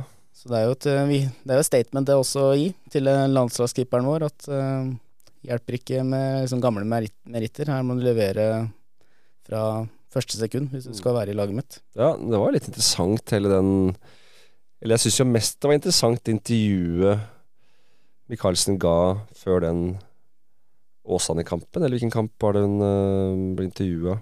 for jeg også måtte sjekke opp litt det. da liksom, hva, Var hun benka? Var det liksom Og det jeg fikk forklart, var jo at hun hadde hatt lengre ferie ikke sant? etter VM videre. At liksom uh, det var greit at At hun ikke skulle stå. Men um, nei, så var hun inne igjen, og det intervjuet hun ga før hun var inne og sto igjen, så virka hun jo ganske sånn Hun hadde, akkurat ikke vært fornøyd. Nei. Hun klarte ikke å skjule det, liksom. Så hun øh, men, det, men det er jo på en måte naturlig. Man vil jo stå. Men øh, ny trener inn det har man sett øh, gang på gang, og det tenker jeg er veldig sunt å få miksa opp. Mm. I, Nei, hun trenger jo litt at man føler at det er konkurranse. Da. Det er også viktig for en, en keeper. Eh, og så var det jo RBK Arna Bjørnar som vi i NRK hadde. Eh, 4-0, som vi nevnte. Brønnstad som stopper, Havrikken på benk. Um, hørte som krangler inn en corner etter 25 minutter. Ganske svakt keeperspill av Hanna Larsen, Ja. um, egentlig der. Um, og så blir Rogde lagt i bakken etter 35 minutter, og Lindberg setter straffe i mål. Uh, Så kom jo Chebel inn da og fikk sin debut for AB. Uh, og AB hadde vel Det var vel Tore Ose som hadde langskudd i stanga der for uh, Ja. AB. Så de kom vel så det var på 2-0, ja, så det, hadde, Ja. den, øh, hadde den City, så kunne det blitt litt øh, kamp, men det var øh, det, var nivå for, det, er, det er den nivåforskjellen det bør være. Det er jo litt sånn at når, når Rosenborg, Vålerenga spesielt, da øh, Når de møter all, Egentlig, det er jo nesten ingen spillere i noen andre klubber som går inn og, og spiller, og i hvert fall i Arna Bjørnar så var det jo ingen der som er i nærheten av å egentlig ta plass i, i en tropp heller, så det, det er nivåforskjell. Ja, og den endte jo som, endte jo som sagt 4-0. Um, ny eh, dødball etter 77 minutter. Magnus Otter skyter via en AB-spiller i mål.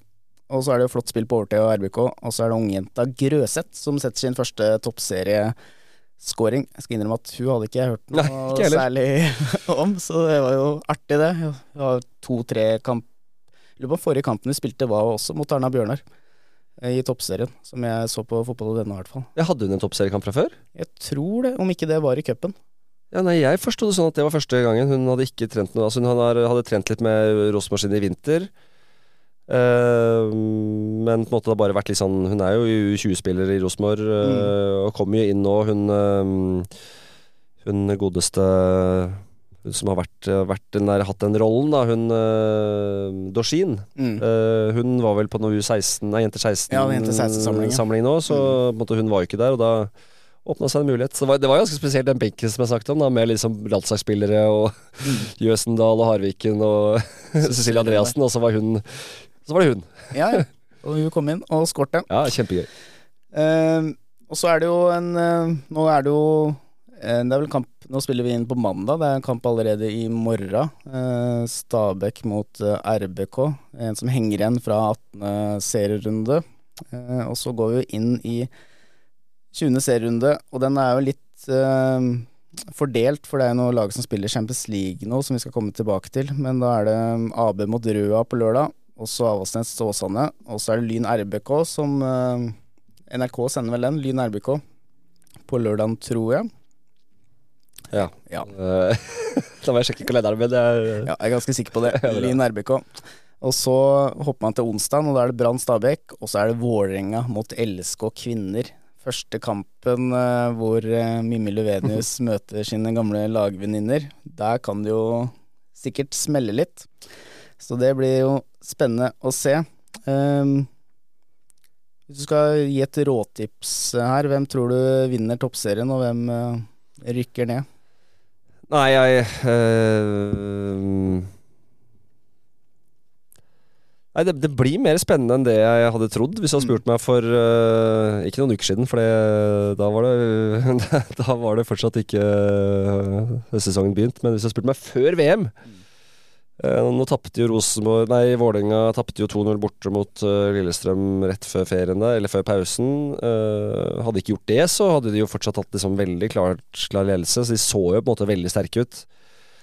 Men nå er det jo på en måte med en hengekamp til for Rosenborg, så er de ett poeng bak og, sånn. Og Lillestrøm er jo ikke langt bak der igjen, så, LSK, så det, mm, det er veldig åpent. Men jeg, hvis jeg skal liksom Hvis jeg skulle satt noe et lag, så er det jo Vålerenga som jeg, som jeg tror vinner. Men, eh, men vi håper selvfølgelig på spenning. Jeg tror det blir spenning.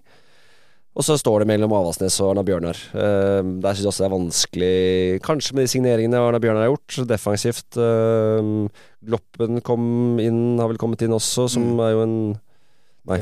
Gloppen, ja. Nei, hun forsvant jo derfra. Sorry. Gloppen gikk til Åsane, ja. Ja, sorry. Bare mista Gloppen, men de fikk jo inn, har jo fått inn da ja, Både Gausdal og Chebek, eh, Chebel, ja. par algeri, Ja. algeriske spillere. Så det kan jo mm, kanskje tale til fordel for at de tar den uh, playoffen, da. Mm. Og vi vet jo at den playoffen er jo gull verdt. er Som regel verdt det. Det pleide å være det. Ja. Nå er det jo Ja, det kjære Kolbotn, skal man si det? Du er jo Nei, det kan du ikke. Nei, jeg har spilt i Kolbotn som ung, da, som gutt. Jeg Ja. bor på Kolbotn nå, så øh, Ja, det er mye å si om Kolbotn nå. Øh, Nei, nei, det er hyggelig med, med Tresor øh, som trener dem med og får dem opp igjen. Det syns jeg synes jeg det er hyggelig. Og så skal man ikke Vi snakker, skal snakke litt om Champions League, og Vålerenga har Champions League, Ja. og det har jo ikke Rosenborg. Så det kan også være en faktor inn i en høst der, hvordan det utarter seg. Mm.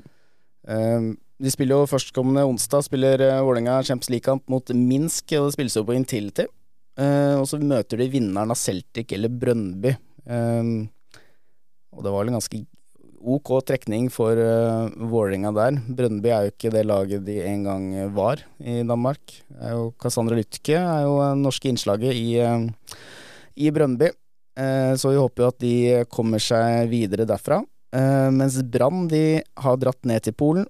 De skal først møte Lokomotiv Stara Sagora fra Bulgaria, som jeg vil tro er litt Bør være plankekjøring.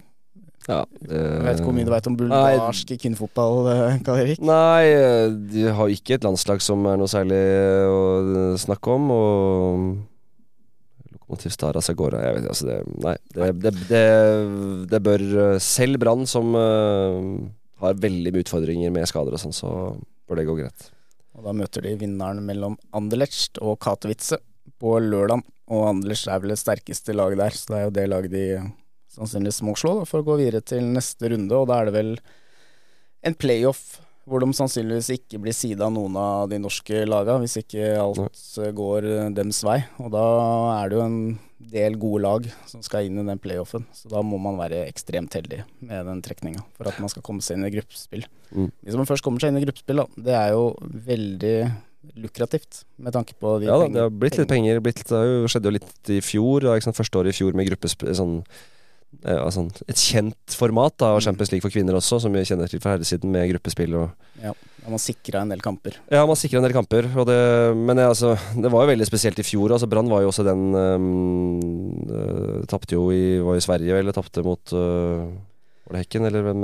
Herregud, jeg, er så dårlig på å huske ting jeg ikke har ting foran meg. Det kan jo fort ha vært Jeg blir litt eh, avslørt på, på på ditt eh, korttidsminne eller Ja. Ja, men det er så mye. Man, må- det er så mange navn og ting man må Men i hvert fall jeg, Da var det egentlig sånn Litt sånn stygt å si, men takk og pris for at de ikke kom inn i det, inn i det gruppespillet. For det var jo en periode hvor Brann Husker de reiste opp til Rosenborg rett etterpå, eller til eh, Trondheim og spilte mot Rosenborg, og de hadde hadde én eller to spillere på benken. De hadde ikke skader. De hadde så mye skader, og helt tøysete. Skulle de spilt, plutselig spilt europakamper mot så god motstand. De havna vel Det laget de tapte mot, havna vel og møtte Bayern München, blant annet, uh, tror jeg. Mm. Og liksom Strauss og Bayern München der, og med én spiller på benken og spilt toppseriekamp eh, helgen før. Og, altså, det, hadde blitt, det, hadde kunne blitt, det kunne blitt sånn ufint. Ja. Det kunne blitt stygt. Så det, det er litt det jeg tenker nå også. Brann Ja, de skal gjøre mye med den stallen de har, så er ikke de liksom De er ikke rigga. De har for mye skader. De har kommet inn i Europa, spiller europakamper også. Det Sportslig så tror jeg det blir eh, for tøft, eh, og kan bli eh, ikke så veldig hyggelig. Vålinga har kanskje bedre for, Eller de har uten tvil de har bedre forutsetninger. Så hvis de klarer å komme seg inn, men de har en vanskeligere vei siden de tok andreplassen og har en verre seeding, da. Mm. Eller, fall, eller har de det? Jo, jeg tror de har det. De hadde i hvert fall det nå, selv om de var heldige. De skal vel ha litt tøffere vei inn. Så, mm, så de er jo kanskje det laget jeg håper på sånn sportslig for norsk kvinnefotball. Da. Mm. At de er de som Skal være ett lag inn, så kanskje det bør bli Vålerenga. Ja, Uten, å være- uten å være ufin med, med Brann. men for den rankinga vi skal prøve å oppnå, da, så er det veldig bra å få inn eh, Det er veldig bra å få inn begge. ja da, ja, ja, ja. Og, og, Det er jo det. og de får jo på en måte Selv om de kan gå gjennom det gruppespillet uten å vinne selvkamper, kamper, så renner det jo inn litt eh, penger i hvert fall. Det ja da, det- neste år. Men som sportslig så er jo enig sånn sett at Vålerenga er jo bedre. De har rigga seg til dette eh, skikkelig. Mm. Så de kan jo fint eh, kunne konkurrere på um, to arenaer. Det har vært veldig gøy å fått inn et norsk lag i, eh, i den nye formen for, eller nye formatet av Champions League. Det hadde vært. Vi har jo hatt LSK kvinner og sånn inn i det før, men har spilt store kamper. Men uh, Det var litt annet format og det var det. Ja, litt annen greie. Mm. Eh, så er det siste sekvens nå. Nå har vi holdt på lenge. Men eh, Beklager, altså. Nei, men det går bra. Bra. Jeg har ikke, har ikke noe liv, jeg, så det går fint. Eh, noen spørsmål her. Eh, Erling Løkken har spurt hva er sesongens største overraskelse så langt, mener Torp. Da vet jeg ikke om han mener lag eller eh, situasjon eller spillere, eller hva han mener, men du kan Nei, vi kan jo, det er jo, det er jo Vi har jo vært mye innom det, men vi kan jo bare dra liksom linjene på det. Altså, det er jo, LSK kvinner er den største overraskelsen i toppserien. Uh, utrolig gledelig det som skjedde med, André Beidrum inn, som også var litt sånn ubeskrevet blad. Ny i kvinnefotballen. Har jo en lang eh, karriere som spiller, eh, som er jo veldig bra. Vært liksom forskjellige steder på herrefotballen. Litt sånn lavere divisjoner, hovedtrener, yngre, nei, yngre lag i Sarps- eh, Sarpsborg 08 osv. Men Nei, At han liksom kom inn med sin Ajax-filosofi på en måte og, og klarte å samle de trådene som lå der for LSK kvinner, det syns jeg har vært veldig imponerende. Og, og ja, ja, det har vært, uh, vært gøy å se. Uh, og da egentlig forlengelsen av det, Ivanovic til, uh, til LSK kvinner, var jo en stor overraskelse for meg når de klarte å lande henne. Um, og så Ja skulle vi liksom skråblikk, litt morsomt blikk. da Kanskje det var største overraskelse at uh, At uh, Jon Arne Riise fortsatt er trener i Avaldsnes. Skal vi ta, ta den? At Ja. han, uh, det er kjempehyggelig, det òg. At uh, han uh, også virker som at på måte, det er i hvert fall ok stemning, god stemning inn i laget, og det, det er utvikling, unge spillere. Mm. Så er de der de er, på en måte. Det, det uh, legger jeg ikke på Jon Arne Riise. Det er på en måte forutsetningene i Avaldsnes sånn som det har blitt. Um, Håmark har sett veldig bra ut som en spiller som fort kommer til å spille i en større klubb, eh, kanskje, forhåpentligvis i Norge etter hvert, eh, når hun er ferdig i Avaldsnes.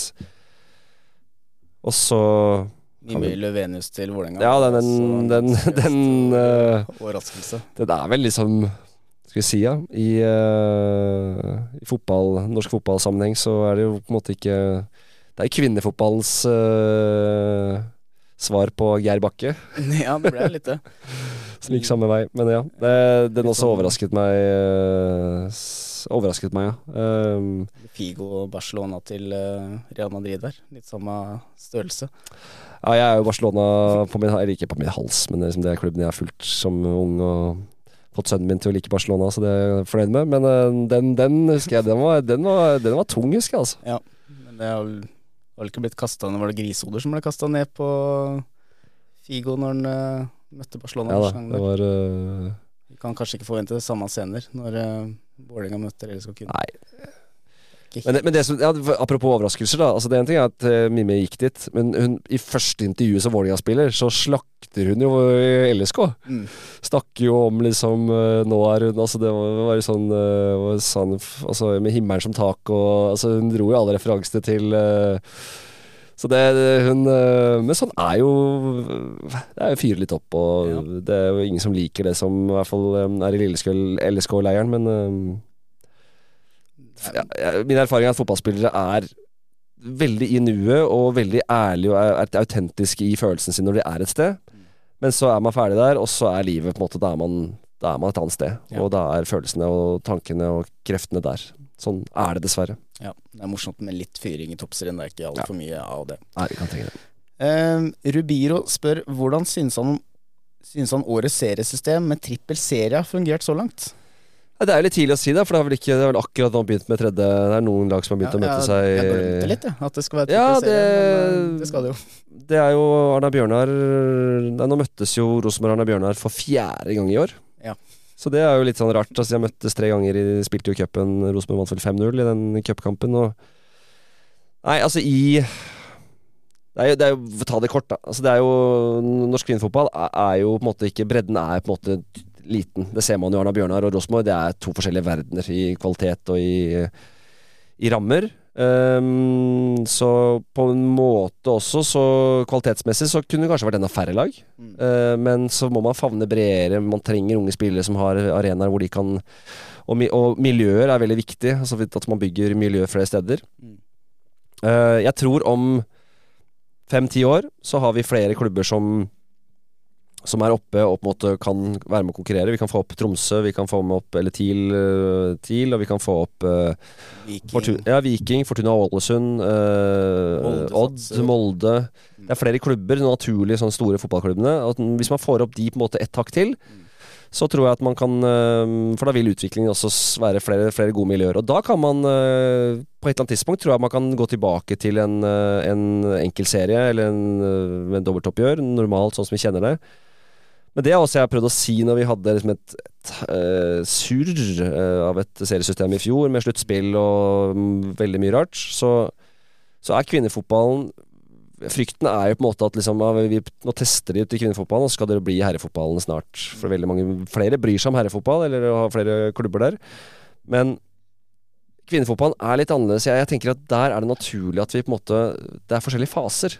Nå tenker jeg at det er helt riktig i den fasen norsk kvinnefotball er nå, så er det riktig med det seriesystemet vi har nå. Med, man trenger flere kamper, for det har man sett. Det har vært- for lite kamper. Vi trenger flere Hverdagen må være oftere der eh, med kamper. Um, og så møtes de flere ganger.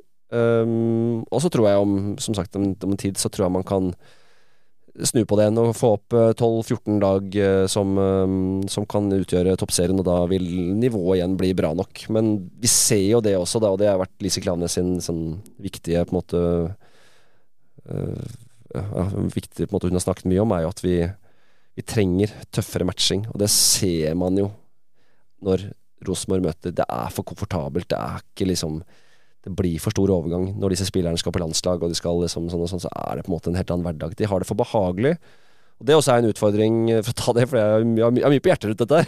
Ja, det er det. Men eh, når også landslaget vårt er ute og konkurrerer og spiller europakvalifisering og sånn, så møter vi Kosovo, vi møter eh, altså alle disse nasjonene som Vinner vi, vinner vi mindre enn 5-0, da så er det dårlig.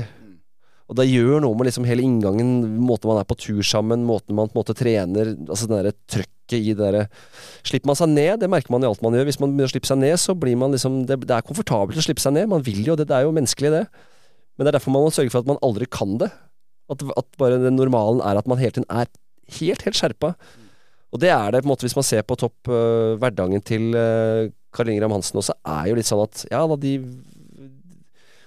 hadde, hadde de tapt en Er det flere år siden de har tapt en kamp i hjemlig serie? ikke sant? De er, jo så, de er så mye bedre enn de andre, så de på en måte Det krever jo det også, selvfølgelig krever det av dem å på en måte være skjerpa, men det blir liksom Det blir litt for lett, da. Som har fulgt toppserien en del år, da. Hvordan syns du liksom kvaliteten Synes du den har forandra seg? Nei, vi snakket litt om det før sesongen i år. Det var flere som spurte meg liksom om akkurat det, hva jeg trodde om sesongen i år. Vi mistet jo litt profiler i fjor. Uh, uh, Brann har jo blitt mye svakere, så jeg tror toppnivået kanskje um, er litt dårligere. Jeg tror Brann på sitt beste for et par år siden er bedre enn det de beste lagene Vålerenga har vært i år. Mm. Men jeg mener jo på en måte med det som skjer, profesjonaliseringen i kvinnefotballen, med du har mer kompetanse inn, det er eh, topphold for kvinner og eh, NFF og sånn er mer å spytter inn, det er litt mer penger i det. Så det jobbes bedre. Det ser man jo når man er på treningsleirer, eh, er på Marbella før, så ser man at det er jo større team rundt. Det, det, det er proffere, så det er på en måte forutsetningene er bedre. Så det har jo tatt Jeg mener nivået Totalnivået er bedre, men uh, toppnivået tror jeg ikke er noe bedre enn det var for noen år siden. Ja, for Vi savner jo litt de der liksom store, også internasjonale profilene som eh, ja, type Sherida Spitze, Ja. da, som var uh, kaptein på Nederland samtidig som han spilte i toppserien. Liksom Få inn de type utlendinger nå som kan heve Mm. uh, resten av om, også ja, treningshverdagen til klubbene og generelle nivået. Jeg syns jo jeg har jo vært ganske kritisk liksom, til keeperspillet i toppserien i år. Og jeg Mm. husker jo at vi hadde at man har hatt inne gode internasjonale keepere som har liksom heva det nivået. da At man Mm. kanskje savner Ja, tiltrekningskraften virker ikke like stor lenger. Det er jo flere og flere ligaer rundt som begynner å bli ganske mye mer spennende enn toppserien, sånn dessverre. Konkurransen er, øh, er veldig tøff, altså. Mm. Så det, det, er, øh, det er en spennende framtid sånn i forhold til valg som må tas og, og retning. Altså det, men det, handler om kompetanse, det handler om øh, Ja, egentlig det, det er det det handler om. Mm. Uh, profesjonalitet og kompetanse. Altså, og disse spillerne fortjener alt, og fortjener mye mer, men uh, det er penger som bestemmer mye av det, og det, det skjønner jeg jo. Måte Veldig mange flinke folk uh, blir ikke trukket inn i kvinnefotballen fordi det er uh, noe man ikke kjenner så godt til, og så er det på en måte et større marked, mer lukrativt marked på, den, på den andre siden. Mm. I forlengelsen av det, da. det er jo åpenbart mer interesse, i hvert fall i Norge, rundt eh, herrefotball enn damefotball. Eh, Alexander Ebbestad spør hva mener du bør gjøres for å øke interessen rundt damefotball? Det er vel ganske bredt Åh, ja, det, det er jo en vanskelig? Ja, nei, men jeg, jeg får jo også spørsmål. Ikke sant? Altså, jeg har jo havnet inn i kvinnefotballen, og hadde ikke jeg hatt det som jobb, så hadde jeg jo ikke fulgt med i kvinnefotballen. Sånn er det jo. Jeg, så jeg har jo på en måte fått interessen, eller fått tilhørigheten til det gjennom, gjennom jobb, da. Og syns, men jeg syns det er veldig hyggelig, og jeg syns det er kjempe liker veldig godt å være rundt, og syns det er utrolig mye bra folk. Hyggelige mennesker. Um, men det er nå engang sånn Det er flere, flere ting. Altså, det er jo ikke Det er et annet nivå, det er et annet format på mange måter. Uh, men det handler om følelser. Fotball er følelser. Altså Interesse rundt fotball er følelser. Um, og så er det ikke mange som har tilhørighet til de klubbene. Og det er der jeg syns Brann har vært flinke. Altså De har på en måte klart, eller bataljonen, da. Altså, de har klart å bare si at ja, men vi er bergensere, det er laget vårt. Eh, folk sjekker inn og ser om Brann har tapt, eller om de ser kampen, så er det sånn åh? Så, så kjenner de litt sånn litt, De går litt på stoltheten, da. Mm. Og det, det tror jeg er nøkkelen for kvinnefotball. Og så må man, som jeg også har snakket mye om, vi må klare å skille de to delene. Vi er flinke på det i langrenn, vi er flinke på det i håndball, vi er flinke på det i skiskyting. I, altså, alle andre idretter så på en måte er det ikke noen sammenligning. Altså, sånn, Vi sier ikke at 'å, herregud, det der hadde jo en, herre, en, en herrespiller hadde jo gjort det der', han redda det skuddet, eller 'åh, så dårlig', ikke sant. Men det er, fotball er så nært, så det er så Det er fotballens, eller kvinnefotballens store, store hemsko, da. At det er for Lett å sammenligne. Ja. Og det, det, det, er, eh, det er den store utfordringen. Man må spille mer på følelser, og, og så må man jobbe hardt med å på en måte øke forståelsen, da. For den tror jeg ikke er der. Jeg har prøvd av og til å snakke om det, skrevet litt om det. At liksom Det er en stor, stor forskjell på fysiske forutsetninger. Altså, hvis du ser liksom på høydehopping, altså sånn Altså mm, Verdensrekorden for kvinner i høydehopp ikke sant? Altså er, er på det nivået hvor øh, det er lett Altså det, det er 100 menn som klarer det, ikke sant? Mens øh, det er én kvinne som altså Nå har jeg ikke tallene her, men kanskje jeg er stygg mot høy- høyde, høydehopp her nå, men, men det gjelder alle idretter, ikke sant? Og det, hvis man skal begynne på en måte at det skal være et argument for at kvinnefotball ikke er gøy, så har, da har du tapt. Har du, for kvinnefotball kommer aldri til å bli like bra som herrefotball. De kommer ikke til å slå de samme pasningene. De kommer ikke til å klare å Så det er, en helt, er en helt annen greie. Så da må man spille på andre ting. Man må på en måte dyrke det at liksom For det er jo tross alt det som man så i VM. da Ser de kampene, så er det sånn Ja, det begynner å komme et ganske høyt nivå på de aller beste. Ser de største kampene, ser England eh, mot Spania, så er det sånn Wow! Dette er øh, Ikke sant? Dette kan sammenlignes veldig godt, og det tror jeg for veldig mange tenker at dette er jo som jeg er vant til å se fotball. Mm. Men det er dårlig gjort og urettferdig, og hvis man skal øh, si at det er dårlig for at ikke de klarer ting som, som er helt umulige for dem, da. Det, det er en ting som jeg kjenner liksom at jeg blir ekstra gira på når jeg snakker om, for det er ja, så får folk som sier 'hvorfor gidder du liksom å kommentere damefotball', du vil jo sikkert heller kommentere Premier League, eller liksom øh, så, Nei, altså det er jo Det er fotball, det òg. Ja, det er det. det er, og det Så blir jo, blir jo alt morsommere jo mer man investerer i det. Nå har jeg veldig god kontroll og har jobbet med det i flere år, så det, liksom, det blir jo morsommere og morsommere. Det var vanskelig i starten. Og så var det veldig vanskelig i starten, og det har jo vært min sånn utfordring også. Det å på en måte skjønne og prøve å på en måte være kritisk til tingene jeg mener at det her er ikke bra nok. Men når en keeper står på to meter utenfor streken sin, og det kommer et skudd som litt sånn uventa, og den har en litt sånn bue, og den går akkurat rundt tverliggeren og ikke keeper redder. Så er det sånn Ja, alle keepere på herresiden så hadde man sagt at det, det er fryktelig keeperspill. Mm. Det skal man ha, liksom. Det skal man Men der er en. De er øh, halvmeter høyere, nesten, ikke sant? Og de når opp til tverrleggeren. Men med en kvinnekeeper så er på en måte det Det er et lurt skudd. Mm. Og det er ikke noe vi kan forvente at keeperen skal ta. ikke sant? Og det å faktisk skjønne det og si det Og da får jeg av og til meldinger liksom bare «Å, 'Du må jo si at det er jo, det er jo kjempekeepertabbe'. Men altså, nei, det er ikke det. Jeg hadde en diskusjon med, med en øh, vennegjeng i sommer rundt Mm. at øh, Også rundt det med keeperen, som du nevner. At eh, ja, vi, vi kan, du kan ta det hvis det går, liksom, går på ferdigheter. Om du ser sånn teknisk her at eh, Ja. hun hadde rukket der å ta et ekstra skritt for å komme seg ut der. Men når du liksom er på, på det fysiske, det får man ikke gjort, eh, det får man ikke gjort noe med. Nei. Så det kan du ikke ta de på. Men på liksom ferdigheten keeperspill, der kan du eh, plukke på. Mm. Men uh, du må skille de parameterne der, da. Hvis ikke så blir jo diskusjonen litt håpløs. Nei, det er mye, det er mye her. Men uh, vi får Vi får Får gå videre. Ja, vi får gjøre det. Ehm, jeg har et siste spørsmål her, uh, før vi må runde av. Um, for det som heter Håkon Mansåker. Kjenner du til han? Ja, ja, det er jo ikke det. Det er jo en NRK-journalist, det.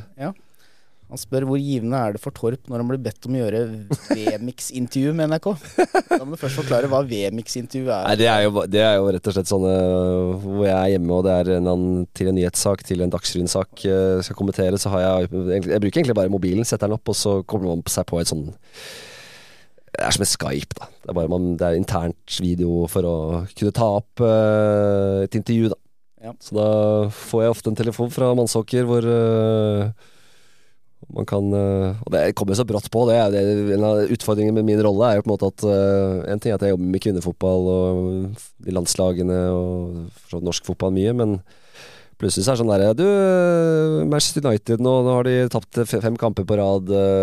hva tenker du om Ten Hag, liksom? Og så er det sånn Ja, det, gi, meg, gi meg en halvtime, da, i hvert fall, så kan jeg få lest litt og summe meg litt og kanskje ringt en, en venn som jeg vet følger veldig tett med, med United, liksom, og så kan jeg jo prøve å melde noe fornuftig, men uh, alltid så må jeg rett og slett bare si at det her, vet du, det her kan, For det har jeg lært meg etter hvert da, i rollen noen år nå, at, uh, at liksom, det er hyggelig å bli spurt. Det er alltid hyggelig å bli spurt og liksom å, me, å mene ting. Det er jo veldig, man er veldig privilegert, men det å liksom uh, alltid mene noe bare for å mene noe, det, det funker litt mot sin hensikt. Så av og til sier jeg nei, at vet du, dette her det, her er jeg på gyngende grunn, liksom. Ja kanskje noen andre kommentatorer i Norge som også burde ja da, men de vil jo, vil, vil jo bruke liksom NRK uh, For i NRK-sammenheng, da. Ja. Så bruker man jo mye sine egne. Men uh, nei da, det, det, er hyggelig. Men uh, jeg har lært meg å si nei. Ja. nei, men bra, Karl Erik. Da tror jeg vi er rundt, ja. ja.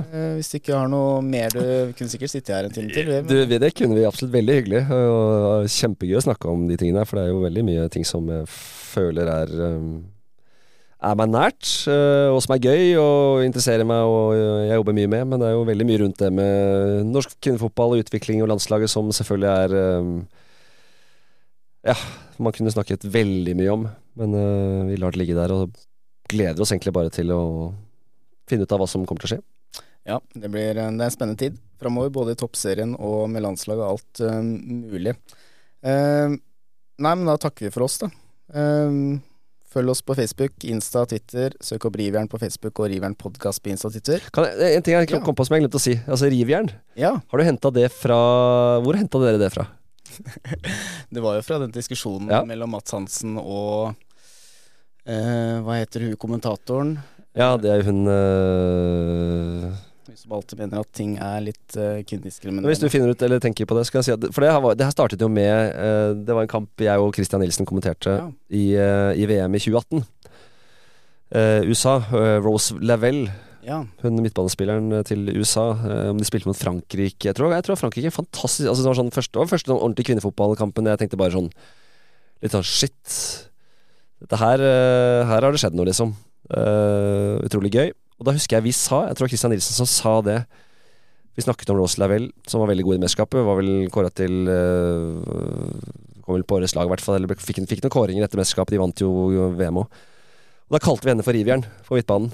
Og det var der det begynte, skjønner du. Det syns jeg er litt hyggelig at det var invitert hit. Det var vi som uh, dro frem det. Men det var Mats Hansen som uh, Simonsen var uh, sem, Det var hun som skrev ut og slakta oss for at liksom kan ikke kalle en kvinnelig fotballspiller rivjern og helt malplassert. Men sånn Det mener jeg bare siste, siste jeg har lyst til å si, da. At min Jeg har lært meg det at liksom for det er veldig mange ting i kvinnefotball som er litt vanskelig altså det å snakke om. Det er en del ord som Mye i forhold til vekt som er veldig vanskelig. for man vet liksom at det er Kvinner har andre forutsetninger. Eh, fysiologisk er det annerledes. Men det å faktisk være ærlig og si og tørre Det har jeg lært meg å si på en Selvfølgelig da med å veie mine ord litt riktig, men altså at nå er, jeg ser at hun er i dårlig form. Ja. Tørre å si det, for det handler om på en måte mm, ting å sette krav til spillerne, det også. Eller kalle en spiller rivjern. Mm. For det er på en måte, hun er et rivjern, og det er veldig sånn beskrivende. Alle skjønner det. Liksom, hun er beinhard, liksom. Mm. Er ikke redd for å blø, liksom. Kaster seg inn med altså for det å behandle kvinnefotball på en måte som liksom, Nei, vi skal holde oss unna det. Da gjør vi kvinnefotball en bjørnetjeneste. Så det mener jeg at det er veldig viktig at vi tar de ikke kampene, men tør faktisk å bruke det vokabulæret som, som er naturlig rundt fotball. Mm. Ja, det henger litt sammen med økt profesjonalitet, og da må det også opp litt eh, profesjonalitet på liksom, kommentering og alt uh, rundt det ja. i tillegg. Nei, men det var jo fint. Da fikk vi en god avslutning. Liksom, da har vi jo utgangspunktet for podkastnavnet her i stedet, så det er fint. Nei, men uh, riv gjerne. Vi er tilbake neste uke, vi. Uh, så får jeg bare takke deg for at du kom, Karl Erik. Så får du ha lykke til uh, på den sendinga du skal ha om litt, uh, sannsynligvis. Ja, takk for det. Ha det bra. Rivjern, en podkast om norsk kvinnefotball.